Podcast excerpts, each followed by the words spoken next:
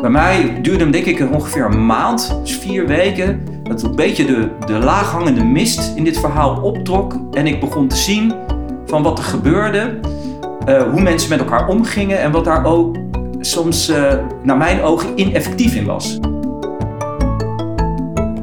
Iedereen werkt samen. Individuen, organisaties. Samenwerken zit in onze genen. Maar over wat nu eigenlijk wel en niet werkt, als we samenwerken, wordt maar mondjesmaat gesproken. In onze podcast Plank met vier poten spreken wij met denkers en doeners over samenwerken. Deze aflevering spreken mijn collega Freek van Berkel en ik, Nicky Willems, met Gerard Chaffraan. Gerard is projectmanager bij E.T. Osborne en zit vol met samenwerkingsverhalen. Eerder was hij contractmanager diepe stations bij de Noord-Zuidlijn. Lange tijd een echt hoofdpijndossier. Zoals Gerard ons schetst, de spanning zat overal. Een verhaal over het doorbreken van ingewikkelde condities en subtiele interventies om iemands algoritme te doorbreken. Welkom. Ja, leuk dat je er bent. Nou, dankjewel. Ik vind het ook leuk om te zijn. En um, we zijn wel even benieuwd. Hè? Deze podcast gaat over samenwerking. Um, wat was jouw eerste herinnering eigenlijk aan samenwerking?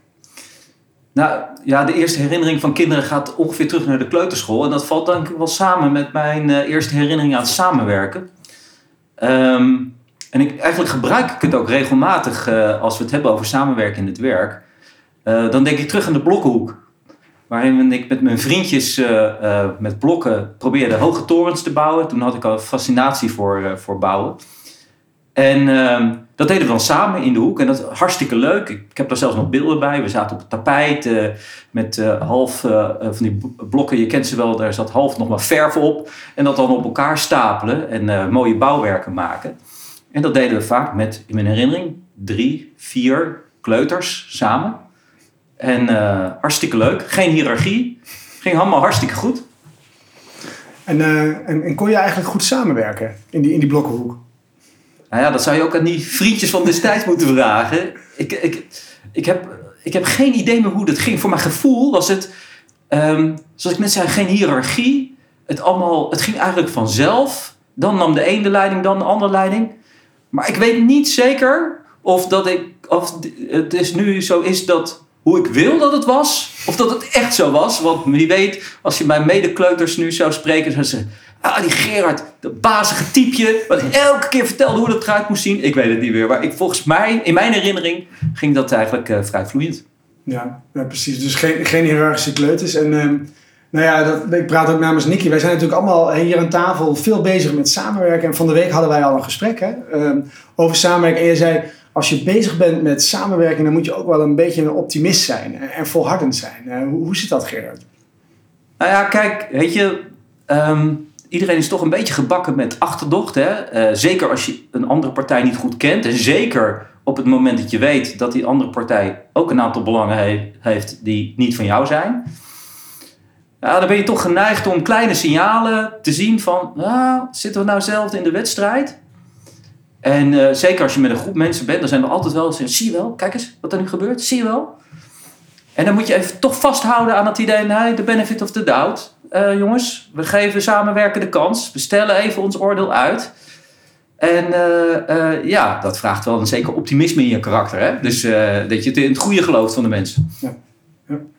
Maar het is, het, is, het is wel tegelijkertijd, als je nu zo zegt, um, dan moet je even de benefit of the doubt. Dat klinkt ook bijna weer alsof het dus niet een natuurlijke uh, manier is van met elkaar omgaan. Ja, nou ja, kijk, ik, ik verdien mijn brood met, met bouwprojecten. Daar gaat het vaak over ongelooflijk veel geld. Mm -hmm. En het is natuurlijk gewoon zo, je moet ook realist zijn naast optimist.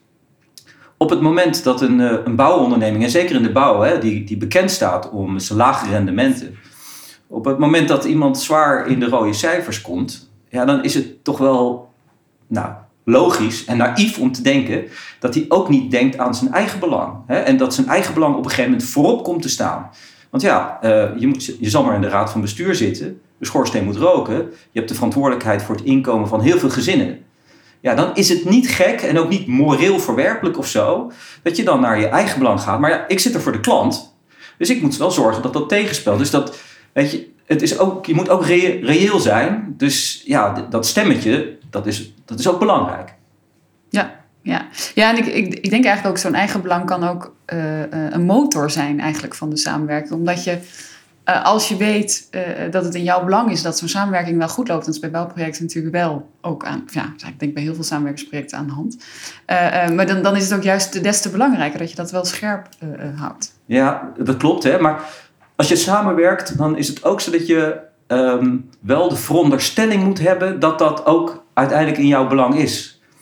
En niet iedereen is van nature zo geprogrammeerd. Dus um, er zijn altijd momenten van twijfel waarbij je denkt, nou, levert die samenwerkingsstrategie ons nou wel echt het meest optimale resultaat? Of is dit het moment om voor onszelf te kiezen?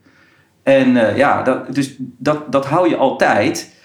En, en dan komt dat optimisme wat je net noemde weer terug. Dat uh, op zo'n moment, ja, uh, als het wantrouwen erin treedt, klapt de samenwerking. Hè? Dat, dat is uh, iets wat heel snel kan gaan. Um, dus op het moment dat je een kans van slagen wil geven, dan moet je op zo'n moment, als het moeilijk wordt, als je gaat twijfelen, optimist zijn en door blijven gaan. Anders, het is een self-fulfilling prophecy als je eraan gaat twijfelen. En een, uh, toch een, wel een mooie, bemoedigende boodschap. En jij zegt al van eigenlijk al vanaf de kleuterschool ben jij bezig met bouwprojecten. En um, nou ja, een van de meest in het oog springende bouw, bouwprojecten van de afgelopen jaren is toch wel die Noord-Zuidlijn. Um, ik denk dat iedereen wel de, de, de krantenkoppen kent ook. De verzakkingen op de, hè, op de Vijzel, Vijzelstraat. De hele tumult die dat heeft gegeven. Um, jij bent daar ook bij betrokken geweest bij de Noord-Zuidlijn. Eigenlijk nog steeds. In verschillende vormen, ook al is dat nu hè, de, de, dienst Metro. Wat, toen je in 2009 op dat project kwam, wat trof jij daar nou aan? Goh, um, heel veel in de zin van, uh, uh, uh, ik kwam um, in een bouwput, verschillende bouwputten terecht. Nou, overweldigend. Je moet je voorstellen dat die stations die zijn 30 meter diep. Dat is een flatgebouw van 10 verdiepingen onder de grond. En dan soms 6 meter uit de gevel van oude huizen. Als je het zo formuleert, is het eigenlijk helemaal niet zo gek dat er iets gebeurde met die eh, panden in de omgeving. En het was er doodstil. Dus de vogels hadden bezit genomen van die, uh, van die bouwputten, omdat we waren stilgelegd een, uh, een aantal maanden daarvoor. Dus dat was imponerend. Als je daar binnenkwam, die enorme grote ruimte, die diepe ruimte en tegelijkertijd die oorverdovende stilte. En um, ja, ik had een team daar waar ik leiding aan moest geven, die ja, het grootste deel die dacht van ja, wat moet doen? Die waren besteld om uit te voeren. Ja, die uitvoering lag stil. Het was overduidelijk dat we iets moesten doen aan het ontwerp. We konden niet doorgaan zoals we uh, uh, hadden gedaan in het verleden. Want dit was, de verzakkingen die zijn twee keer gebeurd. Dus nou ja, dat begon een beetje op een trial-and-error proces te lijken. En uh, ja, een groot deel van de ploeg die, uh, die, uh, die dacht, ja, voor mij is er voorlopig niks te doen. En er was een klein deel van de ploeg die dan wel aan het ontwerp bezig was, die had het razend druk. En met de aannemer, en dat is in het kader van samenwerking wel interessant, ja, dat was een soort ehm, een ingewikkelde situatie. Cognitief wist iedereen, we moeten elkaar vasthouden, willen we dit project verder kunnen brengen. Aan de andere kant lag de schuldvraag voor die verzakking op tafel. Dus uh, uh, uh, ja, en afhankelijk daarvan, het is dan wel heel erg belangrijk dat jullie juristen je onmiddellijk vertellen. Ja, ga je handelen, dan betekent dat iets in die schuldvraag. Dus het was ook een soort, het had ook het karakter van een gewapende vrede. Dus, um, en het heeft even gekost, en het is denk ik heel erg gunstig geweest in dat geval, dat ik een aantal mensen bij de aannemer persoonlijk kende. Waardoor er al een soort relatie lag en uh, daar hebben we op doorgebouwd en uiteindelijk de handen in elkaar geslagen. En uh, uh, nou, heel intensief de herstart van het ontgraven van die stations hebben we voorbereid. Jij noemt, jij noemt best nog wat, hè? dat is een mooi beeld. Je komt daar in het project aan, dus ik probeer me dat ook voor te stellen. Wij wonen ook al, allebei in Amsterdam, Nicky en ik, hè? Die, die diepe gaten, die stilte en ook het eigenlijk een project dat op de gat ligt en de schuldvraag hangt nog uh, boven de markt als een soort, ik stel het me voor als een soort zwaard van Damocles ook. En uh, partijen die eigenlijk niet meer om de tafel zitten van waar, waar begin je dan? Hè? Ja. Met, met het oplossen of het ontrafelen van dat alles. Ja, ja, ja. Maar misschien mag ik er nog iets aan toevoegen. Want ik omschrijf nu de relatie met, uh, met de aannemer. Maar dat is, zit natuurlijk in een maatschappelijke context. Bewoners op hun achterste benen. Heel begrijpelijk. Um, dus je, je had die, die spanning. Mm-hmm. Die was eigenlijk overal. En uh, ja, waar begin je dan? Ja, ik ben haast geneigd te zeggen bij het begin. Eerst maar eens kijken van waar ben ik? Ehm, ik heb eh, een aantal keer ben ik bij een project terechtgekomen waar die eh, uit de rails waren gelopen, dan figuurlijk gesproken. En ehm, dan is een van de grootste fouten die je naar mijn ervaring kan maken, is meteen allerlei dingen te gaan doen. Dus ik begin eerst maar eens als een soort ja, rechercheur te kijken waar ben ik. Welke verhalen hoor ik allemaal? En dan probeer ik, ik omschrijf het wel zo, de eerste weken dan ja, je hoort allemaal verschillende verhalen. Die gaan over één event, maar het lijken wel meerdere events. Hè? Het is net als de politie vaak vertelt dat als een ongeluk is gebeurd dat, en je, je, je interviewt uh, getuigen, dat je allemaal verschillende verhalen hoort. Nou, bij mij duurde hem denk ik ongeveer een maand, dus vier weken, dat een beetje de, de laaghangende mist in dit verhaal optrok. En ik begon te zien van wat er gebeurde, uh, hoe mensen met elkaar omgingen en wat daar ook soms, uh, naar mijn ogen, ineffectief in was. Dus hoe mensen, veronderstellingen die ze hadden over de werkelijkheid, een soort uh, hypotheses, zeiden ze, ja Geert, weet je, doe me al heel ingewikkeld, maar dit is er gewoon aan de hand. En dan kwam een hele platte verklaring voor de situatie, waarvan ik per definitie al weet, nou, dat kan nooit het hele verhaal zijn. Hè? En um, nou, zo langzamerhand begin je dan te, te, um, het verhaal te construeren en tegelijkertijd aan iets heel essentieels te bouwen, namelijk persoonlijke relaties. Dus uh, uh, nou, het is een heel mooie natuurlijke manier om met iedereen het gesprek aan te gaan, kennis te maken, denkbeelden uit te wisselen en iets op te bouwen. En dan zo langzamerhand probeer je gezamenlijk iets op te tuigen. Ja. ja, want je zegt nu het wordt gezamenlijk. Hè? Want wat me opvalt dat je wel vertelt is dat jij bij verschillende mensen langs bent gegaan om eigenlijk hun versie van het verhaal uh, op te halen en zelf dan ook ze te leren kennen. Uh, maar ik kan me ook voorstellen dat uh, dat deze mensen ook misschien niet meer met elkaar in gesprek waren. En dat je dus daar dan ook gaat kijken hoe, hoe krijg ik deze mensen dan weer met elkaar, dat die veronderstellingen uh, verdwijnen. Want dat is natuurlijk een enorme barrière ja. als het gaat om vertrouwen en als het gaat om met elkaar verder komen. Zeker. Nou ja, weet je, het, het bijzondere was dat ik denk dat ze uh, in veel gevallen dachten dat ze wel met elkaar in gesprek waren. Hm. Maar dan waren ze woorden aan het uitwisselen. Weet je, dus ja, dat is iets anders. Hè? En voor een gesprek, voor mij, dan ga je open vragen stellen, dan ga je verdiepen in de ander en dan probeer je toch een beetje je vooroordeel, uh, uh, uh, nou, niet direct het gesprek te. Je, je, je, je, wil je laten verrassen, ook door de ander. Nou, dat was niet aan de orde. Nee, iedereen had wel zo zijn diagnose van wat er aan de hand was. En eh, eh, dat was een soort boeketreeks, een romannetje verklaringen met allemaal flat characters. Je had de goede en de kwaaie. En nou ja, afhankelijk van waar je zat, was de een goed of de ander kwaad, zoiets. En, in de samenwerking kom je dat natuurlijk nog vaker tegen, of, of het nou niet goed of wel goed gaat. Hè? Dus er zijn, er zijn hardnekkige beelden van de ander.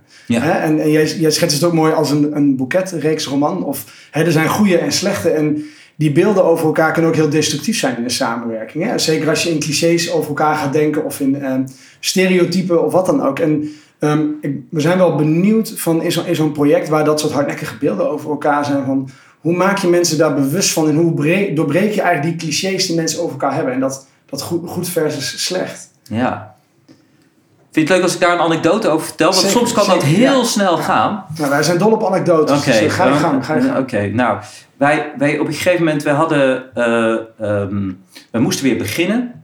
En uh, dan moet ik even terug naar wat er is gebeurd. Uh, Zo'n bouwput bestaat uit betonnen wanden. En die zijn vijf meter breed. En er zit een, daar zit een voeg tussen. je ziet dat wel eens in metselwerk, et cetera.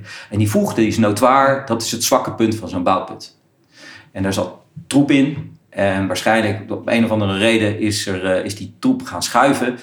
En uh, buiten de bouwput staat het grondwater heel hoog. En binnen de bouwput heb je het weggepompt. Uh, dus je hebt hele hoge waterdruk aan de buitenkant. Nou, dat spuit dan je bouwput in. En dat neemt dan zanddeeltjes mee. En als daar palen onder staan, dan zakken die palen. En als er een huis op staat, zakt dat huis. En zo krijg je die verzakking. Hè? Het is eigenlijk heel, heel eenvoudig. Um, wij moesten een strategie bedenken waarom, uh, uh, uh, hoe we konden voorkomen dat het nog een keer zou gebeuren. En we wisten niet of er nog meer zwakke plekken zouden zijn.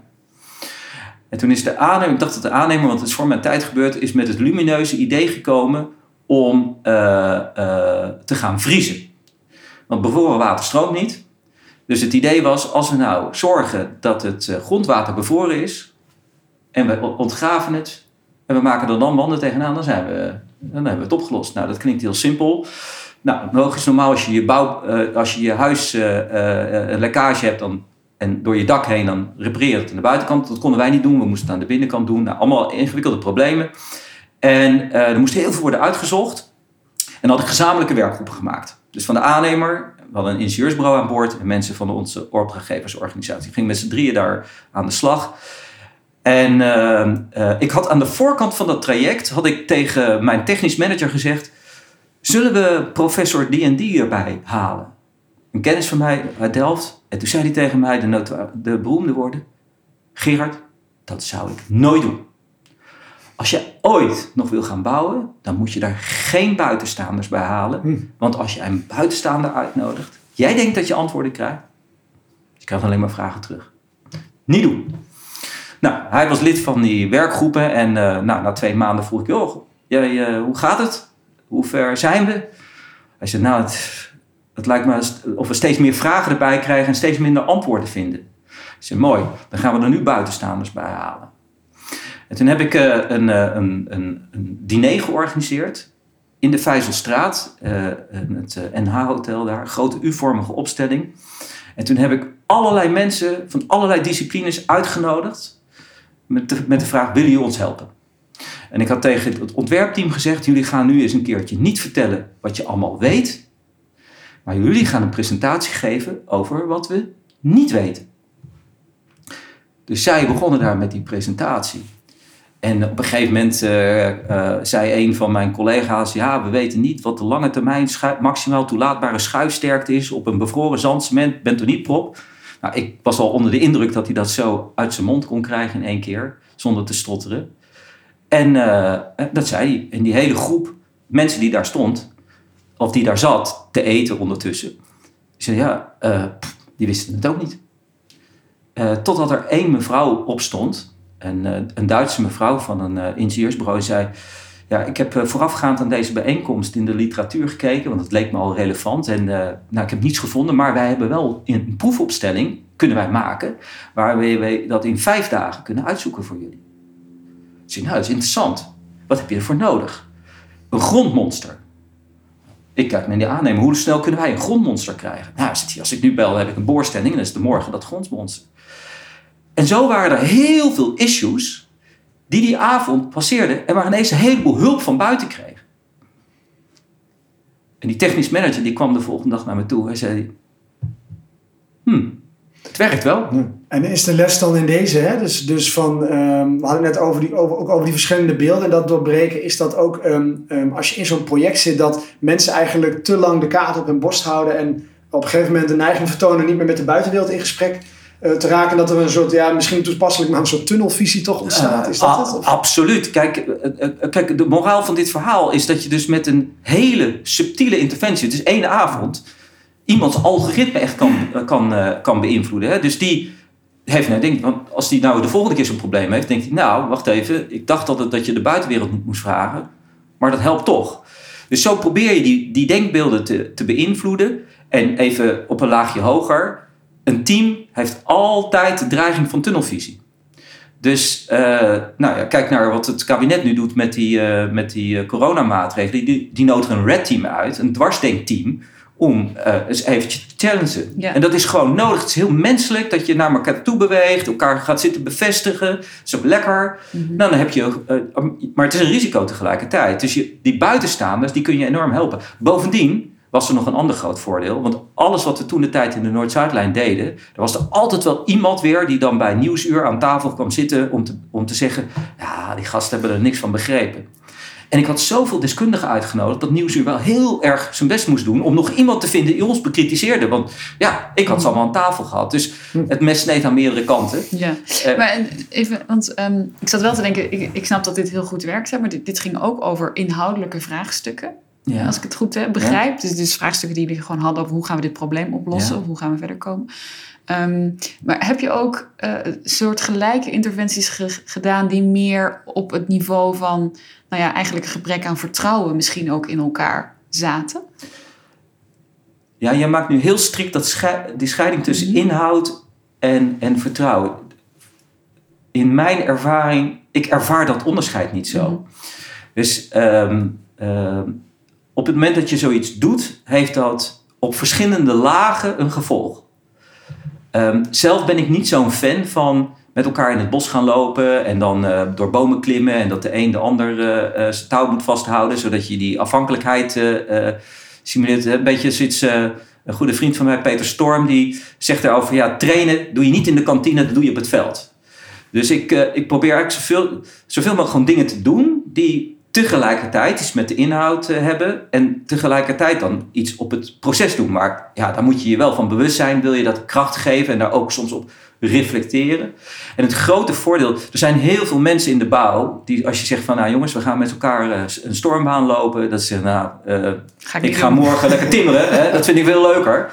Dus als je dat verwe verweeft met het werk, dan is dat vaak veel effectiever. Hè? Dan, zien ze ook, dan is het ook niet zo, oh, nou, dan gaan we een beetje elkaar zielen knijpen en dan gaan we vertellen wat, uh, wat er in je jeugd allemaal is gebeurd en zo. De, ja, de meeste mensen appelleert dat niet zo. Dus ik probeer dat te combineren uh, tegelijkertijd. Maar natuurlijk wel ook steeds op die diepere niveaus. Wat gebeurt er tussen mensen? Wat gebeurt er tussen partijen? Daar aandacht aan te besteden. Mag, mag ik nog iets vragen over dat vertrouwen? Want um, ik heb mijn promotieonderzoek ook in, Amsterdam, gedaan. Ten tijde ook uh, van, van dit soort projecten. Dus ook onderzoek naar um, samenwerking in infraprojecten. Um, en wat ik daar aantrof toen in de stad, het was, ik denk, ik denk de, tijd nadat jij uh, in Amsterdam was gekomen, toen, toen ging het al wel wat beter weer met de Noord-Zuidlijn. Dus dingen begonnen wel weer op de rails te raken. Maar Um, ik heb een onderzoek gedaan naar projecten. En wat je daar heel erg zag, is dat projecten nog kampten met de nasleep eigenlijk van wat gebeurd was in de Noord-Zuidlijn. Dus dat er in, in de omgeving, hè, in, in de stad, maar ook de politiek, ook de media, het parool stond er nog elke keer vol mee. Um, ontzettend veel wantrouwen was naar van, komt dat wel goed met die projecten? En dat ja. uh, het mechanisme wat je daar zag, is dat elke keer als er in die projecten iets gebeurde, of het leek op een groot risico, of bijvoorbeeld in de i heb ik dat ook gezien, dat is ook een een majeur project moest ook afgesloten worden. Veel hinder in de stad van... Um, als er dan iets dreigde te gebeuren of er kwam er iets in de krant, dat er heel snel een reflex ontstond van laten we de boel maar weg gaan controleren. Laten we maar extra maatregelen nemen. Waar dit projecten nog, nog heel lang last van hadden. Dus ik, dus ik vraag me ook wel af, je had het ook net over de schuldvraag, die nog boven het project bleef hangen. Hoe herstel je dat vertrouwen weer in, in dat het wel weer gaat lukken en dat het wel weer kan in het project? Ja. Als er zoveel is misgegaan eigenlijk in het verleden. Ja, nou primair door te presteren. Hè, door te laten zien dat het anders kan. Maar ja, dat is natuurlijk niet van de ene op de andere dag uh, geboren. Overigens hecht ik er wel aan te zeggen dat daar waar we praten over de veranderingen in de Noord-Zuidlijn. Um, het is niet zo dat daarvoor koekenbakkers zaten. Hè? Dus het is, het, we maken soms dat, ook daar moeten we geen boeketreeks roman van maken. Dat daarvoor alles verkeerd was en daarna alles goed. Want um, het zijn vaak veranderingen zijn ook een aantal veranderingen doorgevoerd die eigenlijk voor die verzakkingen al waren ingezet. Dus dat, daar hecht ik wel even aan om, uh, om, uh, om dat erbij uh, te zeggen. Ja, door te presteren een ander geluid te laten horen. En um, mensen, ook door, het, wat ik me net met het voorbeeld aangaf, door een soort struikelstenen neer te leggen. Door dingen te doen die aantoonbaar anders zijn dan daarvoor. Zoals in dat voorbeeld wat ik net noemde, waarbij ineens de buitenwereld heel bewust naar binnen trekt en niet stoer gaat lopen roepen naar de omgeving, wat we daarvoor vaak wel deden. Ga maar rustig slapen. Wij weten hoe het zit. Wij zijn deskundig. Maar juist de kwetsbare rol, dit is wat we niet weten. Dus dat, door dat soort voor andere atypische gedragingen te gaan vertonen als, uh, als organisatie, kan je gaandeweg, nog maar zeggen, op weg naar het bewijs, naar de prestaties, kan je wel dingen laten uh, uh, zien. Uh, ik, een van de, de, bewoners, daar was natuurlijk ook een hele gespannen relatie mee. Dat, dat, dat kun je je voorstellen. En ik weet nog heel goed bij de introductie van de eerste bewonersvergadering. die werd zo geopend en er was een enorme spanning. En nou, ik kwam als nieuwe manager binnen in mijn pak. En uh, ze hadden me ook gegoogeld, begrepen. Dan hadden ze een plaatje van een kantoor gezien. Met een grindoprijlaan, et cetera. Dus er was iemand die zei, ja, ja, je bent natuurlijk alleen maar ingehuurd... omdat je van die snelle praatjes hebt... en dan hier snel de bouw weer tot stand uh, brengt. En hij zei dat zo. En toen heb ik hem gevraagd, mag ik je twee vragen stellen? Vraag nummer één. Wat denk je dat ik meer aan honorarium krijg... als ik een maand eerder start met bouwen? Stil. Ik zeg helemaal niets. De tweede vraag is: wat denk je dat er met mijn reputatie gebeurt als we een maand nadat we aan het bouwen zijn, de boel weer verzakt. Toen zei hij tegen me, dat zal wel niet zo goed zijn. Ik zei, oké, dus ik verdien niks meer en het is niet goed voor mijn reputatie. Ik denk dat er helemaal niet zoveel verschil zit tussen onze belangen. En toen was iemand anders zei, dat is een nieuw geluid. En je hebt dat soort soms uh, uh, dingen nodig. Uh, kleine zaken die, waarvan mensen zeggen: hé, hey, dat zat niet in mijn verwachtingspatroon.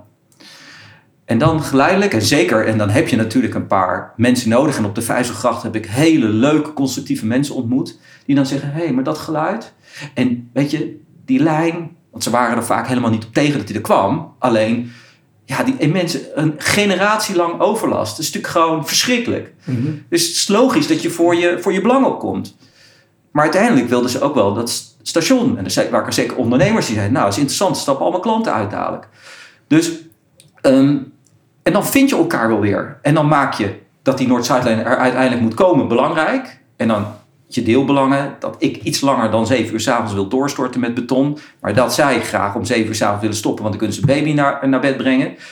Daar kom je dan wel uit. Weet je, dan plaats het in het perspectief van het grotere. Maar daar heb je wel eerst contact voor nodig. Dan heb je wel eerst ook dat vertrouwen nodig. Nou, waar jij het gesprek mee begon met die vraag. Dus, nou, en zo zijn dat allemaal. Weet je, het is geen groteske strategie geweest. Ook niet, want ik kan achteraf, weet je, het is nu lang geleden, wel zeggen van nou, er zat één groot doordacht plan achter. Nou, dat, is, dat zou totaal overdreven zijn. Het is vooral acties doen vanuit een bepaald geloof in dat je het samen het, het, het beste kan doen.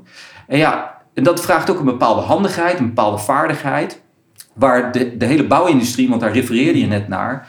Ja, dat zit niet in de traditie dat mensen daarop getraind zijn. Dus we, komen in een nieuwe werkelijkheid.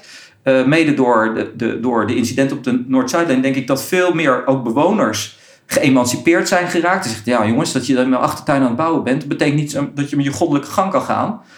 En, um, nou, en daar hebben we denk ik als bouwindustrie ook aan moeten wennen. En als ik nu kijk op het gemiddelde bouw, uh, uh, bouwterrein, hangen er banners met: Heeft u last van ons? Bel dan dit nummer. Nou, dan zijn we ook enorme stappen gezet. Ja. ja. Maar deed jij dat dan zo anders dan jouw voorgangers?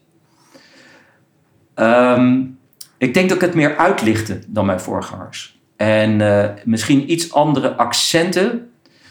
En we praten steeds in het enkelvoud, hè, maar ook dat is een karikatuur van de werkelijkheid. Want je doet het natuurlijk met een team. En uh, het zou echt uh, bezopen zijn als ik hier de suggestie zou wekken dat uh, ik dat in mijn eentje was. Nee, dat is een, een heel groot samenstel geweest. En ook daar komt samenwerking weer heel erg om de hoek kijken. Er is heel veel gedaan aan reputatiemanagement in, in de Noord-Zuidlijn. Dat was daarvoor voor bouwprojecten iets wat helemaal niet in de focus zat. Daar heeft de communicatiemanager fantastisch werk in gedaan.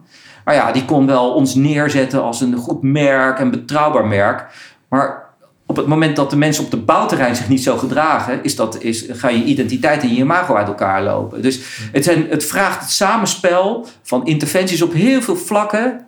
En nou ja, dat je wel met elkaar wel volgens een bepaalde filosofie gaat werken. En ik denk dat we uh, andere accenten hebben gezet en wat nadrukkelijker die filosofie naar voren hebben gebracht. En niet onbelangrijk, daar ook de ruimte voor hadden gekregen. Want never waste a good crisis. Doordat zo'n crisis gebeurt, ontstaat ineens een heleboel ruimte, omdat iedereen weet dat als we het blijven doen op de manier waarop we het deden, dan krijgen we in ieder geval iets wat we niet willen. nou, dus je hebt echt een crisis, uh, rock bottom moet je eigenlijk gaan om weer omhoog te klimmen. Ja, dat is een fantastisch cadeau. Ja. Ik denk dat de, uh, als je nu terugkijkt, dat de verzakkingen van de Vuizelgracht, aan de Vuizelgracht de redding van de Noord-Zuidlijn. Dat is nogal een uitspraak, ja. dat het een cadeau is. Ik denk dat... Uh, de, nou, je hebt, je hebt iets nodig. Als je in een. Je had het net over groupthink, hè, over dat je in een bepaald patroon denkt en handelt. En dan heb je gewoon iets nodig wat zegt: hé, hey, wacht even. Ja, een soort uh, disruptie als het ware. Exact. exact. Systeem, ja. In feite, wat er nu in de samenleving ook aan het gebeuren is, uh, uh, door zo'n coronacrisis, blijven er, gaan er dadelijk ook dingen anders blijven. En dat is gewoon een soort ja, in de complexiteit noemen ze dat geloof ik purificatiemoment. Hè? Er is iets wat gebeurt en ineens neemt uh, iets een andere koers. Dus die crisis, dat was een enorm geschenk. Alleen al omdat de commissie Veerman in het leven werd geroepen. Die zei, nou, er is 500 miljoen extra nodig. Nou, daarvoor moest je elk dubbeltje omdraaien. En ineens kwam er 500 miljoen bij. Wat natuurlijk wel heel erg helpt om af en toe ergens de scherpe kanten vanaf te krijgen. En, zeg je dan dat ehm, de crisis kwam eigenlijk als een zegen? Het is een ommekeer dat, dat, dat, dat de, wij als mensen of ook als teams of als organisaties toch dat het gedrag vertonen dat we als wij niet ehm, die disruptie krijgen of niet tot halt geroepen worden, dat we dan te lang op de ehm, al uitgestippelde weg eigenlijk doorgaan. In feite. Ja, ja, ja, kijk, want ehm, volgens mij is, de gemiddelde mens ook een beetje risicoavers. Hè? Behalve als hij zelf een elastiek aan zijn enkels bindt en van een hijskraan afspringt. Hè? Maar voor de rest risicoavers. Dat we accepteren dat ook niet. Hè? Eh, als er iets gebeurt waar je zelf geen invloed op had. Nou ja, en als je het patroon blijft volgen wat je altijd hebt gevolgd, dan, nou, dan als er niet heel veel in de omgeving verandert, dan krijg je ook die resultaten. Eh, en voor, als, als je dat goed bevalt, ja, dan is het niet zo gek dat je een patroon blijft hangen. Zou je, als je dit nou zo, als je nou zo op terugkijkt op deze manier, hè, wat is dan voor jou de belangrijkste les die eh, uit deze periode getrokken kan worden? Zit die, misschien zit hij ook aan de voorkant, hè? Dus, dus aan- Ja. dat je zegt, goh, eigenlijk hadden, was het goed geweest als, als men eerder bepaalde dingen had gedaan? Of zitten ze misschien vooral juist aan de wijze hoe er mee om is gegaan en dat toch, nou ja, dingen heeft kunnen eh, vlot trekken? Misschien allebei. Ja. Nou, het is grappig eh, dat je deze vraag stelt. Want toevallig gisteren had ik een, een gesprek met een lid van de voormalige commissie Veerman. Dus die commissie die toen het, de levensvatbaarheid van het project heeft onderzocht in 2009. En we bespraken de stelling of wij de magie van de Noord-Zuidlijn wel echt hebben begrepen. Dus eh, de vraag is of we echt goed hebben doorgrond wat nou heeft gemaakt dat het project uiteindelijk in rustige vaarwater is gekomen. En op een gegeven moment zelfs allerlei partijen uit het buitenland ook kwamen vragen hoe wij het hadden gedaan. Terwijl wij in 2008 dan waren het lelijke eentje. Dus, eh, ehm, en het heeft met allerlei dingen te maken. eh, eh, hele zal maar zeggen, zichtbare zaken over als hoe je je organisatie opbouwt, hoe je tegenspraak organiseert, et cetera. Maar at the end of the day is het toch denk ik gewoon dat er een groep mensen samen is gekomen en die heeft gezegd, eh, dit is eigenlijk zo'n gaaf project. Terug naar die blokkenhoek, eh, terug naar dat gevoel. Ehm, we gaan dit gewoon maken. En eh, ik denk dat die band tussen, die, tussen de sleutelfiguren en ehm, de uitstraling die dat heeft, ook naar je eigen mensen toe en daar ook wel streng in zijn. Hè, dat op het moment dat er weer karikaturen worden gemaakt, gewoon dat niet accepteren dat dat eigenlijk het, eh, eh, de kunst is geweest. Kijk, bij dit, dit soort bouwprojecten, we worden heel veel van, van, zeker mijn generatiegenoten, misschien is het nu inmiddels wat anders, worden opgeleid in het projectmanagement, leren van tijd, geld, kwaliteit, organisatie, informatie, risico's erbij gekomen, faceren, beslissen, allemaal een beetje toch het blauwe denken. Hè? En dat komt ook omdat projectmanagement komt uit de ingenieurswetenschappen. En ja, weet je, daar kan je heel veel mee afvangen. En ik zal niet de laatste zijn die zegt het is onbelangrijk. Maar het belangrijke zit toch in. Er zijn ook een heleboel dingen die je niet van tevoren kunt voorspellen. En het verschil wordt gemaakt in hoe je dan reageert. En op het moment dat je dan een goed samenhangend team hebt, dan heb je niet twee paar ogen, maar dan heb je zes keer twee paar ogen bijvoorbeeld. Dan zie je veel meer. Als je, als je de veiligheid hebt in je team om dingen te bespreken die anders gaan dan verwacht. En niet de stoerigheid hebben van, nee jongens, stick to the plan. Kijk eens, ik heb het goed uitgedacht van tevoren. Ehm, op het moment dat je dan samen met elkaar durft te verkennen. En niet denkt van, als ik nu mijn mond open trek, dan kan die ander daar misschien van profiteren. Nou, we zijn er denk ik op een gegeven moment in geslaagd om zo'n soort cultuur in de organisatie, maar ook tussen de organisaties, ook met bewoners te creëren. En ik denk dat als ik iets van de, als iets de magic was, dan was dat het. Ja. Dat is wel, wel, wel mooi, want jij zegt eigenlijk, het was het lelijke eentje. En, en het, werd, het werd de magie hè, van de Noord-Zuidlijn. En dat, dat, dat kwam ook ene- enerzijds wat uit in die communicatie. Ik weet nog dat in Amsterdam op een gegeven moment die pijlen zo Ja, op de Vijzelgracht stonden waar je dan was. En aan de andere kant is dat ook iets wat je zegt, dat is iets met het team. Hoe je ervoor gaat staan, hoe je met elkaar omgaat. En ik kan me best voorstellen ehm, ehm, in deze bouw- en infrasector, er komen vast ongetwijfeld als jij ergens een lezing geeft, projectmanagers naar je toe die zegt, wat is nou die magie? Hoe zet je nou zo'n team in? Wat zeg je dan tegen die mensen die jou om advies vragen? nou, ehm, ik ben niet zo goed in het eh, theoretiseren. Ik ben geen wetenschapper. Hè? En eh, eh, dus wat ik, heel, wat ik meestal doe is verhalen vertellen. En die zijn dan misschien wat moeilijker generaliseerbaar, maar hebben het voordeel dat ze heel concreet zijn. En ik kom veel collega's tegen die zeggen, ja, juist in die verhalen uh, heb ik veel. En dan gaat het over. Kijk, die, iedereen voelt die problemen wel. Iedereen voelt dat schuren, bijvoorbeeld in een relatie tussen een aannemer en een opdrachtgever, die voelt dat wel. En uh, de meesten geloven er ook echt wel in dat als samenwerken het beste resultaat oplevert. En dan is het vaak zo van, hoe heb, wat heb je dan gedaan? En dan vertel ik gewoon wat er is gebeurd.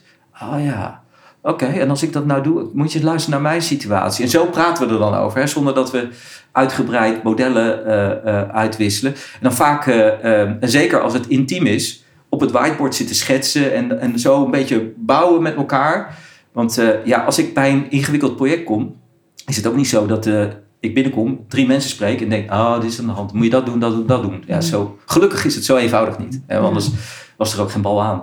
Nee, wat ik, wat ik je wel hoorde zeggen een beetje toen je schetste, dat, dat ook eigenlijk de, eigenlijk de interactie binnen het team, uh, zowel uh, binnen organisaties als tussen de betrokken organisaties, dat daar op een gegeven moment een soort mechanisme is ontstaan, uh, wat een bepaalde veiligheid met zich meebracht, maar ook misschien bepaalde spelregels van hoe, hoe, hoe doen we het eigenlijk met elkaar. En daarin misschien een bepaalde comfort uh, uh, is ontstaan uh, om ook de ingewikkelde dingen te kunnen bespreken en aan te pakken. Het, dat noemen ze bijvoorbeeld ook wel, ik er was onderzoek naar gedaan, dat heet dan teaming. wat heel erg gaat over mensen die vanuit verschillende invalshoeken met elkaar ingewikkelde problemen moeten oplossen. Ja, dat kan niet zonder wat dan bijvoorbeeld heet psychologische veiligheid. Ja. Dus de veiligheid om ook aan te geven als je het niet weet. Ja. Uh, uh, of als het spannend is. Ja. Of, nou, dat zijn wel elementen die ik een beetje terughoor in, in wat er in ieder geval op een gegeven moment ontstond. Uh, zeker, het, zeker. Hè? En, en, bijvoorbeeld als je het hebt over teaming en over die, de psychologische veiligheid. Ja, als leider heb je daar een hele belangrijke rol in. Want als iemand dan zegt, ja, ik weet het niet. Nou, als je dan zegt, nou, dan moeten we maar serieus gaan kijken of je niet vervangen moet worden. Of dat je zegt, Goed zeg dat je dit voorlegt. Interessant. Ik weet het ook niet. Laten we eens kijken wat we daar gaan doen. Dus uh, iemand beloont voor, bij wijze van spreken, hetgene wat hij niet weet. Mhm. Uh, uh, ja, dan, dan, dat zijn, en dat vind ik ook het edele handelen en voederwerk in, in zo'n samenwerking. Hè. Het zijn ook de, de, de optelsom van dat soort kleine interventies op het, hoe reageer je op dat moment? Hoe reageer je op het moment dat een aannemer zegt: joh, ik zit in de problemen, ik heb vertraging? Zeg dan: oké, mooi. Uh, wil je het verhalen? Dan neem ik het op, want dat uh, vindt mijn jurist fijn, want dan kunnen we in de, vol, in de brief schrijven waar we je de boete opleggen. Ja, iedereen weet dat als je het zo doet, blaas je het op. En dat is ook wel ingewikkeld, hè? want wij moeten vaak opereren in een constellatie. En dan zit de juridische afdeling en die kijkt alleen maar door de juridische bril en die zegt: Geert, je bent gek. Mm -hmm. Noteren, hè? Noteren. Ja. Ja. Brief sturen. Ja. Want als je nu die brief niet stuurt en we komen voor de rechter, dan uh, zegt hij: Ah, je hebt het niet aangekondigd, hè? -hmm. Nou, ga maar weg met je claim. En dan benadel je de belastingbetaler voor een paar honderd miljoen. Dus, en dan, dan komt het erop aan. Dan moet je, dan moet je ook stevig zijn en zeggen: Oké, okay, nou, als je de boel wil opblazen, moet je dat doen. Doe je het alleen. Uh, uh, daar doe ik niet aan mee. Mm -hmm. en, dus, en, ehm, en dan heb je ook bondgenoten nodig. En dat is misschien nog wel een ander belangrijk onderdeel van, uh, van de les van de Noord-Zuidlijn. Wij hadden bijvoorbeeld zo'n. Die commissie Veerman is doorgegaan als een soort raad van commissarissen. En als het moeilijk werd. en als er moeilijke bestuurlijke besluiten waren te nemen. dan gingen we altijd bij hen te raden. En die, nou, niet zelden zullen zij ook hier en daar wel eens een telefoontje hebben gepleegd, denk ik. En zo krijg je een soort coalitie. die vanuit allerlei verschillende invalshoeken. op allerlei verschillende niveaus. samen handelt en druk uitoefent en, en, en, en uh, verleiding uitoefent om nou, samen dat avontuur te gaan beleven. Dus creëer een soort coalition of the willing. In, absoluut, absoluut. Dat is, ik vind dat een hele mooie uitdrukking daarvoor. Hè? Dus, uh, en, en gek genoeg, daar hoorden de bewoners ook bij. Ja. Hè, dus die werden op een gegeven moment ook... Ik kan me nog een, een, een moment herinneren dat ze zeiden... We heel gek van die journalisten die elke keer maar weer zitten te peuren op allemaal verhalen en zo... Nou, daar geen zin in. Uh, we hebben dit gezegd, dan uh, zijn ze tenminste weg. Weet je, soort, nou, daar blijkt dat uit. Gewoon, kom op, laten we nou de schouders geen energie besteden aan de dingen die er niet toe doen. Laten we kijken hoe we, hoe we dit voor elkaar kunnen, kunnen krijgen. En ja. dat maakt ook voor mij, ik hou niet zo van conflict, dus ik vind het wel lekker. Dat geeft mij een lekker gevoel. Ja. Ja. En je zei net ook terloops, dacht ik even te horen, zijn niet te snel de juristen aan tafel als het gebaat wordt. Hoorde, hoorde ik dat goed? Of? Zeker. Nou, kijk, en uh, uh, ook hen wil ik niet allemaal over één kam scheren, hè? maar kijk, je hebt een juridische, een, een, een financiële realiteit. En dat zijn allemaal mensen die volgens de regels en de paradigma's in vak, hun vakgebied zijn opgeleid. Een, een advocaat die moet zweren dat hij het belang van zijn klant dient. Niet het belang van de samenwerkingspartner van zijn klant. Dus dat hij soms in een soort ingewikkelde situatie komt, dat hij vanuit zijn vakmatigheid, vanuit zijn vak iets moet uh, adviseren, dat kan ik hem moeilijk kwalijk nemen. Um, alleen, en die gesprekken hebben we ook vaak gehad, en ik had het geluk om hele goede uh, uh, juristen te hebben die ook deze dimensies begrepen. Wat je wel, je hebt, je hebt te maken met een soort holistische werkelijkheid, waar je door een juridische bril kan kijken, en, en, maar ook door een sociale bril. En als je met elkaar, ook daar weer in die samenwerking, als je met elkaar uh, het vermogen opbrengt om al die brillen even op te zetten, dan snap je jurist ook dat zijn uh, algoritmes en zijn rationaliteit misschien even uh, geparkeerd wordt of iets minder wordt ingevuld ten faveur van iets anders. -hmm. Maar dan moet je het wel kunnen uitleggen. Het moet wel begrijpelijk zijn. Want als, op, op, op het moment dat je daar geen onderdeel van bent, dan denkt, denkt onze contractjurist ook: Gerard is gek geworden, ik moet hem helpen. Want anders begaat hij dadelijk een historische fout. Ja. Ja, want ik, ik kan, je kunt bij dit soort grote projecten ook niet zonder een contract en, en uh, juridische kaders. Nee. Daar zijn de belangen te groot voor, daarvoor is het ingewikkeld. Maar je, wat je dus eigenlijk zegt is, je hebt het misschien wel nodig, maar eigenlijk moeten ook de juristen onderdeel zijn van de interactie met elkaar. Uh, om uh, met, ja, op een goede manier samen te werken. En niet alleen maar vanuit hun eigen perspectief te kijken, maar ook eventjes vanuit de ander. En andersom lijkt me dan ook. Absoluut.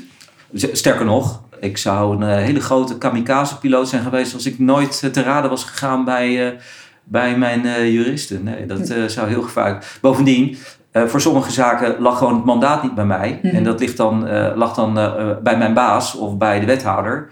En die vroegen dan wel even om een verklaring van de jurist erbij. Dat hij het ook een goed idee vond. Of overwegende alles snapt waarom we het zo doen. Dus um, ja, daar ontkwam je ook niet aan. Mhm. Hè? Maar los daarvan is het gewoon verstand natuurlijk. Ja.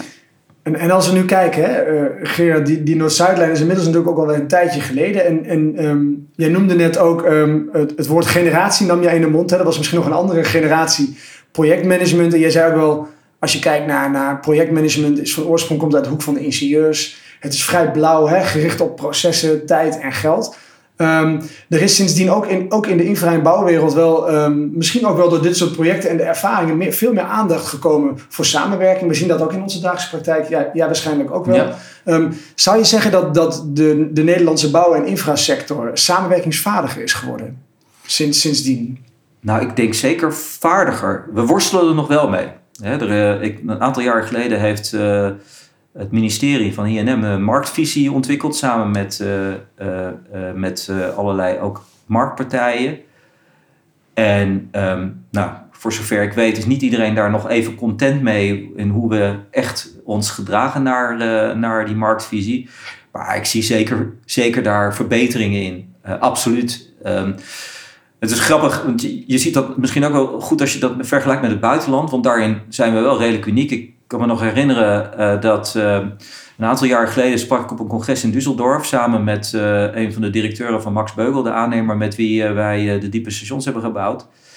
En we vertelden daar het verhaal hoe wij met elkaar omgingen. En kwamen er na afloop mensen uit de zaal naar mij toe en die zeiden: Jullie in Nederland zijn 10, 15 jaar ons voor. Want bij ons zijn het nog wel de juristen die aan de voorkant het, het, project besturen, als het ware. En daar is het contract nog steeds dominant, de letter van het contract. En uh, ja, jullie. En, en deze personen die zeiden dan ook van ja, we moeten die richting uit. Maar ja, wij lopen 10, 15 jaar achter in Nederland. Maar er is, we hebben nog heel veel te ontdekken ook in Nederland. Daar, en dat moeten we ook blijven doen. Maar er is zeker veel gebeurd in de afgelopen jaren. En uh, jij noemde net ook, hè, dus je hebt uh, in het buitenland keken ze ook wel een beetje jaloers ook naar jullie project. En, en jij zei, daar is het uh, um, contract nog leidend en in Nederland doen we toch net dingen anders. En um, dat bracht me wel op een gedachte, want als je in Nederland kijkt naar samenwerking, wij zijn, hè, misschien is het ook wel wat cliché, maar in het buitenland gniffelen ze daar ook wel een beetje om. Wij zijn wel gewend iedereen te betrekken en met alle partijen aan tafel te zitten en, en te horen. En Dus ik ben ook wel benieuwd als jij, um, als we wat breder kijken naar infra en bouw in Nederland, wat is eigenlijk de staat van samenwerking in Nederland? En kunnen wij in Nederland eigenlijk goed samenwerken? Nou ja, we hebben voor mijn gevoel de laatste jaren daar een beetje een beweging vanaf gemaakt. Hè? Uh, polderen, dat werd een soort, uh, nou, hetzelfde, het synoniem als uh, eindeloos blijven lullen. En, een scheldwoord eigenlijk. Ja, en dat, nou, ik denk dat, dat, dat we dat in ere moeten herstellen. Daar zou ik graag een pleidooi voor willen houden en dan net iets andere betekenis aan geven. Want samenwerken en overleg hoeft helemaal niet eindeloos lang te duren. Als je het maar op een goede manier organiseert. En uh, ik denk dat de kracht uh, van ons land uh, zit, ook economisch gezien, juist in die samenwerkingscultuur en traditie die we hebben. En het, als je in het verleden terugkijkt, heeft dat ook wel eens wat perverse kantjes gehad. Hè? We werkten ook uh, in de koloniale tijd met allerlei uh, foute figuren samen, omdat het pragmatisch was. Hè? Dus nou ja, uh, laten we daar dan afscheid van nemen. Ja, handel first. ja, precies. Een soort, het, ja, dat was een soort transactionele samenwerking en sommige leiders in de wereld geloven daar nog steeds in. We noemen geen namen. We noemen, we noemen geen namen, nee. maar het? Ik denk dat wij die, die, die, dat dat in onze cultuur, we moeten dat koesteren. En kijken hoe we dat op een effectieve manier kunnen inzetten. Um, we zijn een kleine, kleine wereldspeler. Dus de bedrijven hier zijn ook nou, vaak kleiner dan in de rest van de, van de wereld. Dus wij moeten het hebben van samenwerken. En uh, uh, ik, ik geloof er dus in dat, dat, dat wat we nu in de bouw aan het doen zijn, dat we dat ook elders in de maatschappij uh, zouden moeten stimuleren en uh, moeten koesteren. En dan, nou, en dat lastigheid is een beetje dat de politieke wind natuurlijk nu, soms hè, het, we het allemaal plat.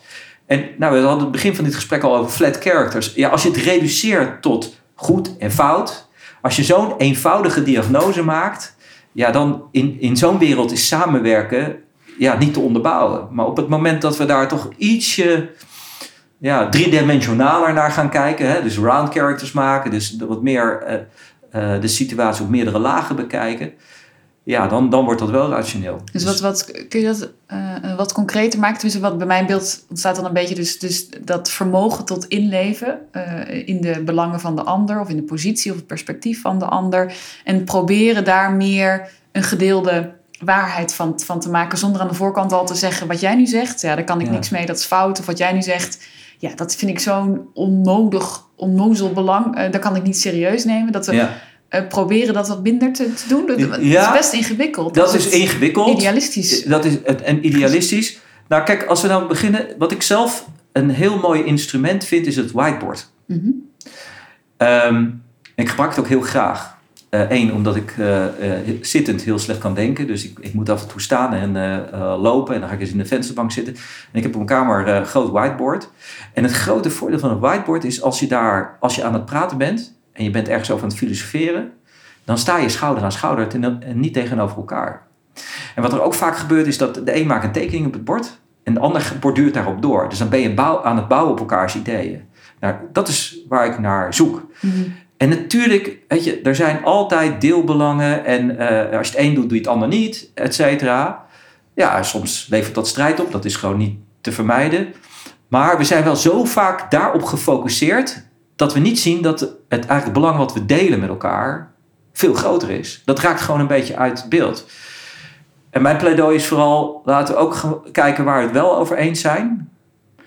Uh, laten we uh, met elkaar wat meer op een whiteboard-achtige manier denken. En, dat, en daar hangt aan vast dat je open vragen stelt. Dat je je niet meteen je laat blokkeren door je oordeel, et cetera. Dat je wat meer in elkaar investeert. Want dan wordt het ook al wat moeilijker om iemand weg te zetten.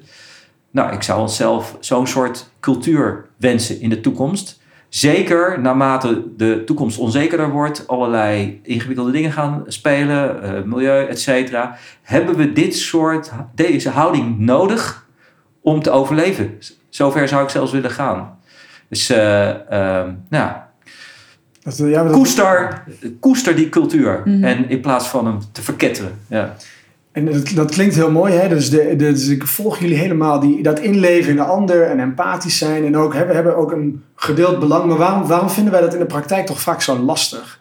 En waarom, waarom komen wij ook vaak weer in onze eigen groeven terecht en met onze eigen beelden? En zit iedereen toch, als je ook naar de samenleving kijkt, uh, als het even op aankomt, zit iedereen toch ook weer zijn eigen zijn eigen paasijs, zeg maar. Hoe, waarom vinden wij zo lastig om ons echt in te leven in de ander?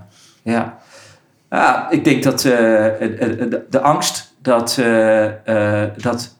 Kijk, als je met iemand een echte dialoog aangaat, kan je wel eens dingen horen die maken dat je denkt: oeh, nou, de manier waarop ik er tot nu toe over heb nagedacht, klopt misschien niet. Nou, vraagt wel zeker een vorm van zelfvertrouwen. Hè? Dat, je, dat je dat toelaat bij jezelf. denk, oh, nou ja, inderdaad, interessant. Dus het, volgens mij is het ook gewoon ingegeven door angst. En, en, en misschien toch een soort idee dat als je nou maar keihard blijft hameren op jouw belang, misschien ben ik wel zo sterk dat ik dat kan doordrukken. Ja, en of dat dan een duurzame strategie is. Ja, heel veel mensen hebben niet zo'n hele verre horizon in hun, in hun denken. Dus en dat, dat merk je ook in de politiek. Hè? Alles moet worden teruggebracht dus tot hele platte redeneringen. Dat doet het goed. Dan word je gekozen. Ja. Ja, het is ook vaak op korte termijn heeft het niet per se veel consequenties. Nee. Hè? Het is lekker comfortabel. Uh, nou, en, en, en ook het past in ons wereldbeeld. Kijk, op het moment dat er een contractmanager is of een projectmanager is die stevig is, die zegt: Ik ga dit project binnen budget voor je regelen.